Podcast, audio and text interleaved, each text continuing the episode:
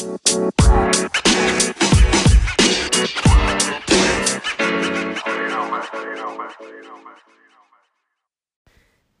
Charlene. Hej Ulrika. Mörka tider. Ja, det är ju mörka tider och 8 mars. Och det ska väl vara en hoppingivande dag. Men vi, vi kanske börjar där det är som mörkast nu i Ukraina. Mm. Spontana känslor. Ja, det är ju att man, att man eh, ser människornas utsatthet. Vi har ju, eh, tack och lov så finns det ju många journalister där som kan dokumentera och rapportera om vad som händer där så att eh, Ryssland och Putin och, och hans knektar kan ställas till svars för det här i internationella vad heter det, brotts, krigsbrotts... Vilken otrolig insats faktiskt. Jag tänkte på det igår just med journalister. Alltså, det är helt avgörande för omvärlden Mm. under krig. Inte bara det här, men att man liksom får... Det är ju skitjobbigt. Ja, Och man får väl göra det portionsvis. Ja. Ta del av info och nyheter och bilder.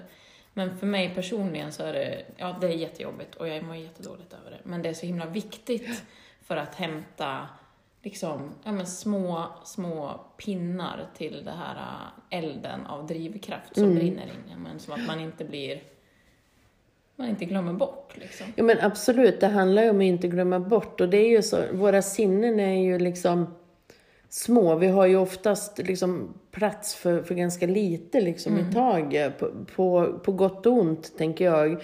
Eh, mest ont förstås. Eh, men jag läste Magda Gad, hon som är gud, ja. journalist. Hon, Fantastisk. ja, hon är ju, gör ju fantastiska insatser som journalist. Och nu hade hon varit en sväng i Kongo. Och jag har följt henne kring en, eh, en kvinna där som är på det här eh, sjukhuset där man opererar kvinnor med fistelproblematik. Eh, de, när de har skador efter sexuella övergrepp, alltså våldsamma våldtäkter och sexuellt våld under krig. Då. Eh,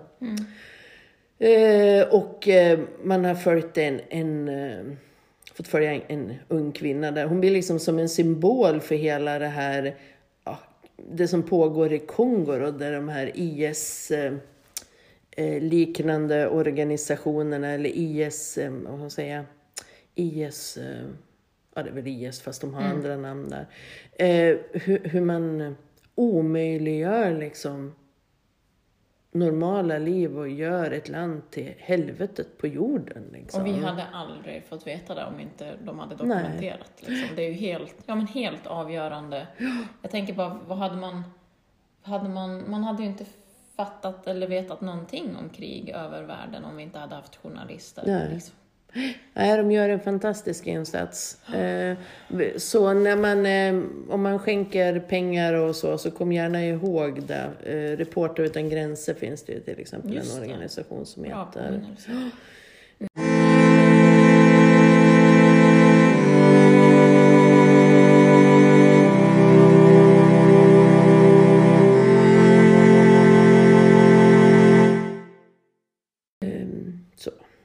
Ja, eh, Ukrainas folk. Jag såg eh, ung, bilder av unga män med, eh, de var ju kanske 18-årsåldern, med, de hade sån skateboardskydd på, på knä och armbågar och med ett varsitt gevär över axeln. Och de skulle kunna liksom, bara vilken ung man som helst. i- och, och på väg ut i det här helt orättfärdiga kriget, om nu krig kan vara rättfärdigt. Det är samma, samma skit varje gång. Liksom. Det är så... Det, ja, fan, det är förfärligt alltså. Men hur, hur tänker du om mottagning och... Eh, nu kommer det ju väldigt många människor till eh, Europa. Eh, främst till grannländerna där då. Men de som kommer nu liksom i första omgången, de har ju kanske ofta... Man brukar säga att de kommer, de kommer först, de som kan. Liksom. De som har möjlighet att flytta på sig, de som kanske har kontakter eller släkt i Europa och så. Ehm, och det finns mottagning för dem, men sen kommer det att komma ännu fler, de som har, och de, kanske de som behöver extra mycket stöd, de gamla, eh, personer med funktionshinder och så vidare. Eh, och eh, hur ser du på... Mottagande? Mm, Alltså, jag, jag tänker ju absolut att Sverige behöver öppna gränserna, liksom. Eh, Men vi har ju... Så tänker jag ju ofta. mm, Eh, Och det gör ju Vänsterpartiet också. mm. Alltså ett ordnat mottagande och asyl, liksom. Ja, en asylprocess som går snabbt framför allt, att man inte har de här... Ja, och som är Mm, säker och trygg. Liksom. Och det är väl en utmaning såklart. Mm. Men det jag tänker kring det här, det vi pratade lite om det innan, att 2015 hade vi också en stor flyktingvåg. Mm, mm, Och då var jag också alla så himla så här, men vi ska öppna gränserna och, och det är ju bra, det är ju Mm. positivt. Och jag tänker kring, alltså när det är kriser, och det är det som är så synd, att det är då som kärleken är som starkast Mm. för varandra och solidariteten flödar. Och däremellan så är det ganska kargt Mm. och kallt. Liksom. Jag tänker på ja, men terrordådet på Drottninggatan till exempel. När hela, hela Stockholm stängdes ner och alla bara öppnade sina hem och hjälptes åt Mm, liksom, mm. direkt. Att det kom liksom helt naturligt med Mm. medmänsklighet och liksom hjälpa till. Och det är krisen som gör det. mm. Eh, är det verkligen så det ska fungera? Ska allting behöva gå åt helvete för att vi ska börja bry oss om varandra? Ja, men Och det det, det är en rimlig fundering. Och det Absolut. gör mig så, så himla tungsint. Liksom. Ja. Det är ju så fint nu i det här. Till exempel så hade vi ju den här manifestationen här i Hudiksvall när du talade med samtliga partier. Alla var överens. Liksom. Och det är ju bra. Mm. Jag menar inte att det är dåligt. Men jag tycker att det är sorgligt att det ska behöva gå åt helvete innan vi ska förstå det. Liksom. Mm. Ja, och det är ju också så att det, för, det, det finns ju massor med konflikter på, i andra delar också Mm. av, eh, av världen som pågår Ja. konstant, som börjas och avslutas. Och, och, ehm, men Det är som att så här, det får aldrig bli för bra. bra. Alltså, så här, jag vet inte hur man ska beskriva det, men världen blir ju sämre när vi inte bryr oss om varandra. mm, ja, Eh, det är och när he, vi- helt beroende av solidariteten Och med när varandra. solidariteten brister och det går åt helvete på något plan, då kommer vi på det igen. Mm. Och det kanske är så det funkar. Jag tycker bara att det är, varför kan vi inte bara vara snälla jämt? Och att vi lär oss någonting om det. Och framförallt tänker jag det här som jag ofta tänker. Det är så här, ja men någon gång så är det vår tur. om, om man inte liksom känner att man vill, känner liksom automatisk solidaritet så kan man alltid tänka så. Ja men jag kanske också, eller min familj eller Ja. mina, min omgivning kommer kanske också behöva hjälp någon gång. Och hur vill jag bli mött då? Eh, och det kan ju vara liksom en ingång i det. Eh, Och men- därför är det ju också viktigt att man, även om det är tungt och svårt och man behöver göra portioner, men att man tar del av info och bilder Mm. i den mån man klarar av, men att man inte helt stänger av. Jag Mm. tror inte det är bra. Eller, utan jag tror att man behöver i alla krig ha en förståelse för att de som, alltså det är, går ut över civila. Mm. Det är liksom, Mm. det är inte de här männen på maktpositioner som far mest illa. Alltså det är liksom... Om de ens blir påverkade, jag Nej. Nej, men vad jag har förstått då, eh, som jag har läst, jag är absolut ingen expert på krigföring, men som jag har läst och hört så hade ju tydligen Putin och den ryska regimen räknat med att man skulle göra den här invasionen på ett par dagar, ungefär som när man tog in Krim. Eh, och att liksom, Ukraina typ skulle lägga ner vapnen. Eh, och sen när inte det skedde, då har man inte liksom tillräckliga resurser nej. även i en stark armé. Så då bestämmer man sig för, och tydligen så har man gjort lika i Syrien och i Afghanistan och så där tidigare. Då börjar man på med de här terrorist... eh, Man, man väljer liksom civila mål och så gör man det så vidrigt som möjligt. Mm, I skolor och sjukhus och... Ja, så att, att, att, att, att det liksom inte ska gå vistas där som ett hot. Liksom. Att om, om, om ni inte ger er, då kommer vi att göra så här med varje Ja, det känns stad. lite som ett desperat drag Ja. av Ryssland. Liksom. Ja, och det är väl ett krigsstrategiskt drag, men, men det är... eh, så otroligt vidrigt. Det är väl alltid krig, men det här är så extra vidrigt. Ja, just sådana där. För att, ja, det hade jag faktiskt inte koll på, men att det fanns liksom regler kring hur man fick kriga, det låter ju helt sjukt. Men att man inte ska, ja men som Ryssland håller på nu med att slå ut infrastruktur och sånt, är ju, ja, vidrigt. Mm.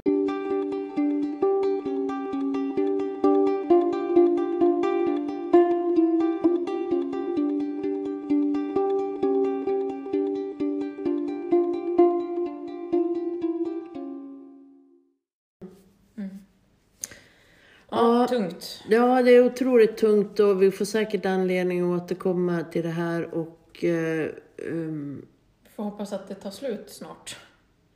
ja, det måste få en utveckling. Alltså man är ju så himla orolig över ehm, vad som händer, om, om han kommer nöja sig, om, om, om Ukraina faller, om han kommer nöja sig med Ukraina eller om han kommer fortsätta med Moldavien. Vad, vad är Och hans när det strategier? pratas om kärnvapen och sånt så blir man ju lite... Ja, men, och det är ju också lite intressant. Vi skiljer ju oss åt lite i ålder, du och jag. Gör vi?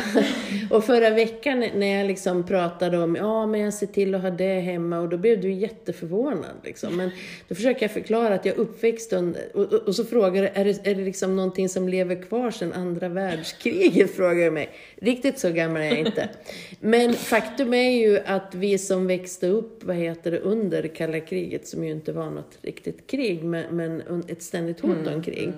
Och då berättar min man, jag växte upp på landet, men min man som bodde inne i stan, han berättade att de hade regelbundna övningar i hans skolan där de fick liksom gå ut i skyddsrummet, ordnade led och så fick de liksom veva på ventilationsanordningen och sådär. Eh, och inte jättelänge sedan, men ändå så är ni väldigt många som inte har varit med om det här. Nej, men jag har ju, jag har, nej precis, jag har inte varit med om att jag fått veva på någon ventilation så. Eh, och jag vet att det finns skyddsrum, men jag kan säga att jag har dålig koll på vart de ligger. Ja. Eh, Men jag menar mer, alltså inte att man behöver känna till detaljerna Nej, kring men skyddsrum, men menar det här det är- det ständiga hotet. ja, liksom. och, och den har man ju nästan, eller jag kan känna att min generation eh, kanske har raljerat lite över den här rysskräcken. Eh, och skäms lite nu faktiskt. Ja. Ja, nej men och... ehm, Jag, jag kom, när min man och jag eh, pluggade i, i sen ålder till lärare så eh, då kom jag ihåg vi läste om att det, eh, man sa att två demokratier har aldrig krigat mot varann. Eh, och nu har världen mer, fler demokratier än någonsin. Och, och det kändes så hoppfullt. Det här var kring eh, sekelskiftet, kring millennieskiftet. Då, och eh, så otroligt snabbt det kan gå ut för Om alltså. man nu kan säga att Ryssland är en demokrati. Ja, ja, ja absolut. Eh, Det var väl inte så jag menade. Jag menar mest att Nej, världen var en hoppfullare plats för inte allt för länge sedan. Nej, jag håller med. Mm. Håller med.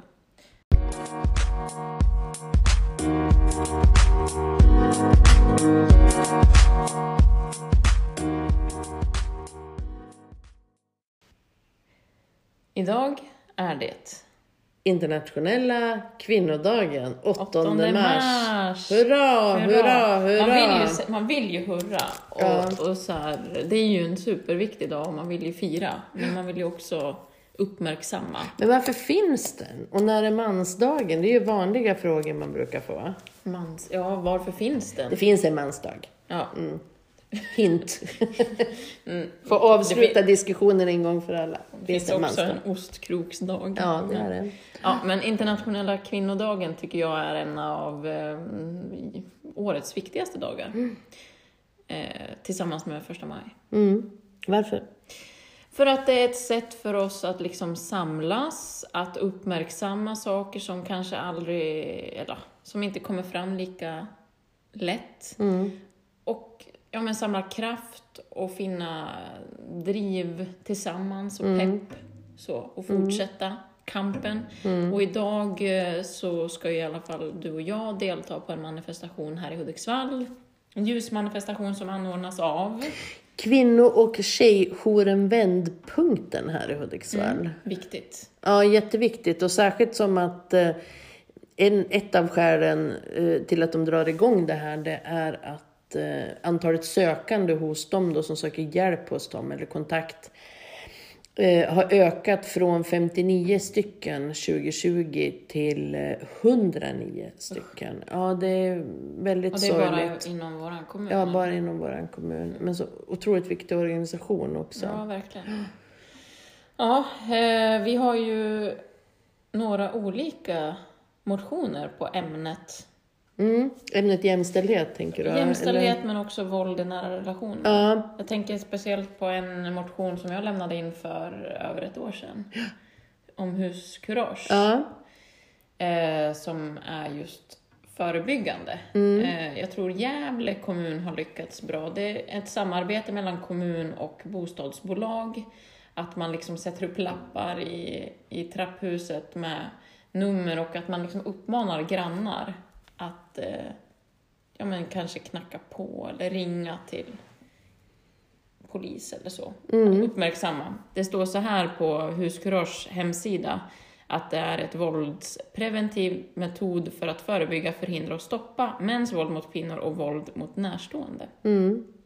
Och det innebär att kunskap om våld och civilkurage sprids för att få fler att agera vid oro när någon far illa. Knacka på, hämta hjälp, ta fler grannar, ringa polis, kontakta socialtjänst.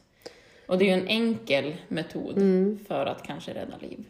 Vi ska väl säga det också, nu har den här harvat runt så länge i de kommunala vindelgångarna och byrålådorna så att nu har, har eh, den på in, ett direkt initiativ då från Tjejjouren, den punkten, eh, så har man börjat, påbörjat ett sånt här arbete i delar i alla fall tror jag av bostadsbolagets bestånd eh, utan politiska beslut och det är ju fantastiskt bra. Jättebra. Men det vore ju kul om vi bara kunde få klart det så att det, man Ja. vet att det görs. Ja.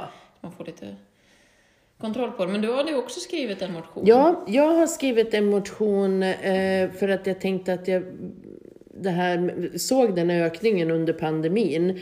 Eh, ganska tidigt fick vi rapporter om det här, vi politiker, om att man såg en ökning av missbruk och mäns våld mot kvinnor. De hör ju ofta tätt ihop.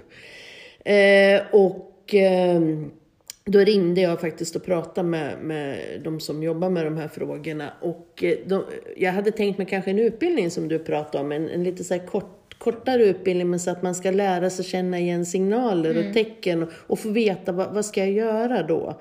Eh, det kan ju vara väldigt svårt, man uppfattar ju kanske att det kan kännas privat på något vis, konstigt nog, men, men så är det. Eh, och, och det tyckte de var bra, men de ville också att man skulle uppdatera eh, liksom strategierna och eh, em, hur man ska jobba med det här i kommunen. Ta ett helhetsgrepp kring det. Så då skrev jag en motion om det och den hoppas jag ska bli snabbt behandlad. Mm. Eh, Så att man får sätta igång det här, för det kan ju inte vara någon som har en invändning mot det. Jag tror Nej. att det bara är ett förbiseende egentligen, att den inte har blivit gjord. Jag säger det att Hudiksvalls kommun har ju jobbat bra med de här frågorna Ja. i Centrum för våld i nära relationer.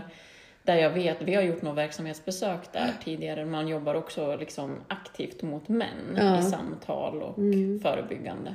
Ja, det var lite det jag menade. Jag tänkte det här med familjerådgivning Ja. och samtal för män som, ehm, som vet att de är nära, nära att göra någonting och behöver liksom hjälp med att hantera sina aggressioner. Men det är Och, också viktigt nu när vi pratar om det att liksom, även om man inte har sett tendenser till våld och så, men att så här, det är otroligt viktigt att en kommun har bra grund kring just familjerådgivning och att, eh, att det finns hjälp att få och stöd än att man, ja, innan. ja innan, Ja.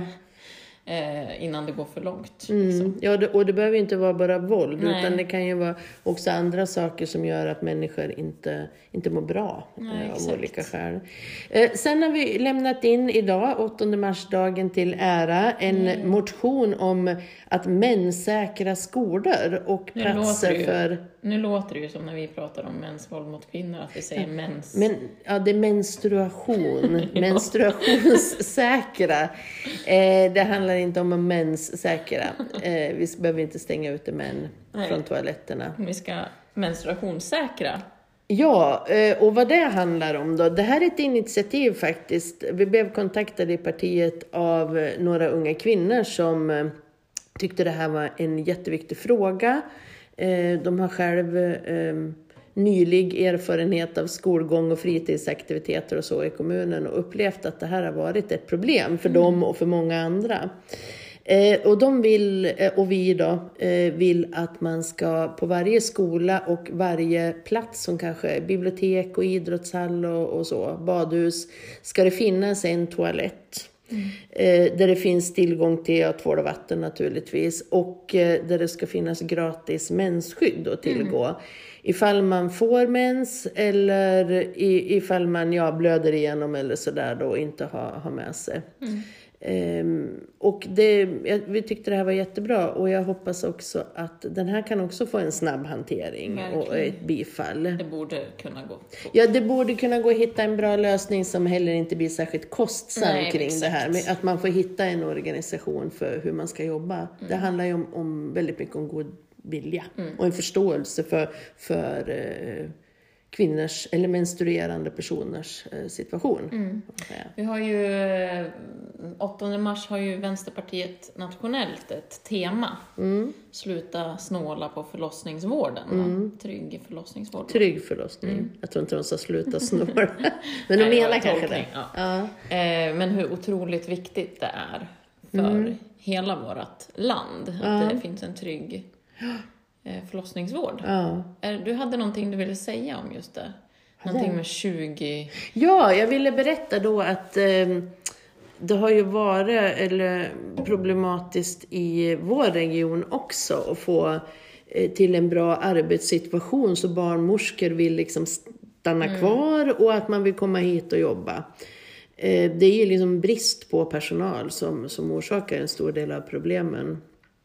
Eh, Och också att barnmorskor väljer att jobba i andra verksamheter än i förlossningsvården för den är så, det är så tufft liksom. Ja, den är så eh, slimmad på många platser. Men i, i regionen då, där Vänsterpartiet faktiskt sitter med i majoritet med eh, Socialdemokraterna, Centerpartiet och Miljöpartiet. Där har man eh, em, infört en arbetsmodell som kallas för 80-20. Inte bara där, men, men för barnmorskor. Där man liksom är schemalagd på sin arbetsplats 80% av tiden. 10% av tiden använder man till utvecklingsarbete inom sin eh, inom sitt yrke. Man kanske går utbildningar eller man läser material eller man, man förkovrar sig på olika sätt. Eller gör praktik eller någonting. Eh, och sen eh, 10% av tiden, det har man liksom ungefär som en lärare. har ju också så. Planering. Ja, eller man ska säga en tid som, som man, man lägger ju en på arbete men arbetsgivaren kan liksom inte schemalägga den. Utan det är den här tiden när man liksom kanske städar upp, sorterar, organiserar, göra sånt som man inte hinner med liksom. Så, och det- det här har, har slagit väldigt väl ut naturligtvis. Det låter ju Ja. fantastiskt. Det skulle ju vara bra att ha inom fler. Men jag tänker just för barnmorskor, det här med att kunna ja, men förkovra sig och eh, få en, liksom en utveckling och fortbildning. Det är nog någonting som är väldigt sällsynt i andra fall. Och det har man ju sett i, i Hudik, det var ju även innan det här med just det här med att man lär sig av andra. Man har, använder någonting som kallas för finska greppet. Ja, jag jag är, eh, Är du greppad? Jag är greppad och supernöjd. Det var fantastiskt. Alltså. Ja. Eh, Och det här har ju gjort till att Hudiksvalls sjukhus då, där man har använt det här ganska länge, eh, har om, om inte den lägsta så bland, ja, man har den lägsta eh, andelen sådana här förlossningsskador där man spricker för långt liksom i Sverige. Och, och det är ju, och det handlar ju Jag också tror jag, när jag födde senast så var vi bäst, men jag vet Ja. inte hur det är nu. Nej, vi hoppas att det, men vi hoppas ju också att andra har lärt sig. Så att bara vi är bland de bättre så, så får det vara bra. Men, men jag tänker att det är ju, det, det handlar ju också många gånger om tid, har jag förstått, det här med att man får förlossningsskador. Därför att man, det, det tar liksom tid att vara så här försiktig för Ja, att men också försöka... att hela situationen kring en förlossning kräver ju att man känner en trygghet Ja. och att man är avslappnad i den mån det går. Eh, och att skador ofta då, inte alla gånger såklart, men att det eh, går att förebygga om man har en lugn miljö. Mm. Och det är ju otroligt svårt för de som jobbar inom förlossningsvården när man har det, den arbetssituationen. Att förmedla en trygghet och Ja. av, en avslappnad. Det räcker ju med att om du ligger och har jätteont och att någon tilltalar dig på ett kort sätt. Ja. Det kan ju göra jätteont Stress. liksom, Ja. om man blir spänd och, och att det kan fördröja eller så. Ja. Eh, Så att det är ju, man behöver, bara en sån här sak som eh, kring ljus och alltså att man har lite dämpad belysning och det är otroligt mycket att tänka på när ett barn ska födas. Mm. Ja. Och det är ju inte en, en, ett lätt ansvar när man är stressad själv Nej. när man jobbar. Så det där med 80-20 det lät ju fantastiskt. Alltså. Ja. ja, och också precis att man kan som eh, i en sån otroligt viktig eh, eller all, all, allt inom vården är ju viktigt, men det här är ju en väldigt speciell situation ja. också. Men där man kan kanske få tid för återhämtning och prata med varandra, tänker jag, om sånt som har kanske inte gått så bra alla gånger. Och, och, ehm, ja, super, superbra satsning och eh, finska greppet. Fråga efter det. Ja.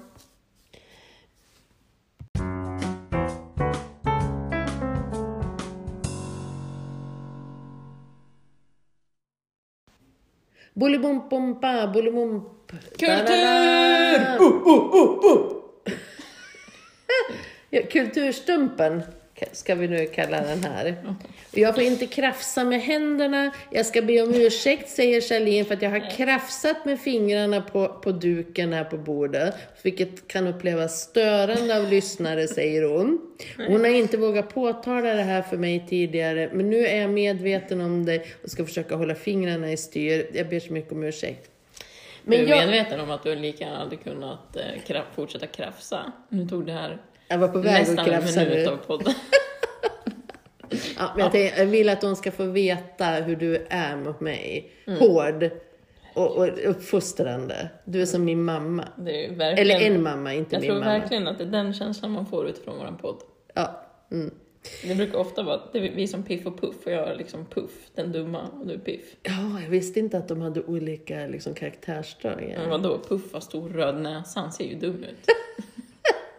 Sa du att det var jag som var puff? Nej, nej det, är Nej. du som, det är du som säger hur allting är och så får jag fråga, spela lite, spela lite dum. Men gud, det hade jag ingen aning om. Ja men det var ju någon som kommenterade för vårt för, första säsongen, bara, det är så kul, för att Ulrika är ju verkligen en liten lärare hon, och så lär hon dig saker. Ungefär som en sån här A till Ö eller så. Ja, gud. Ja.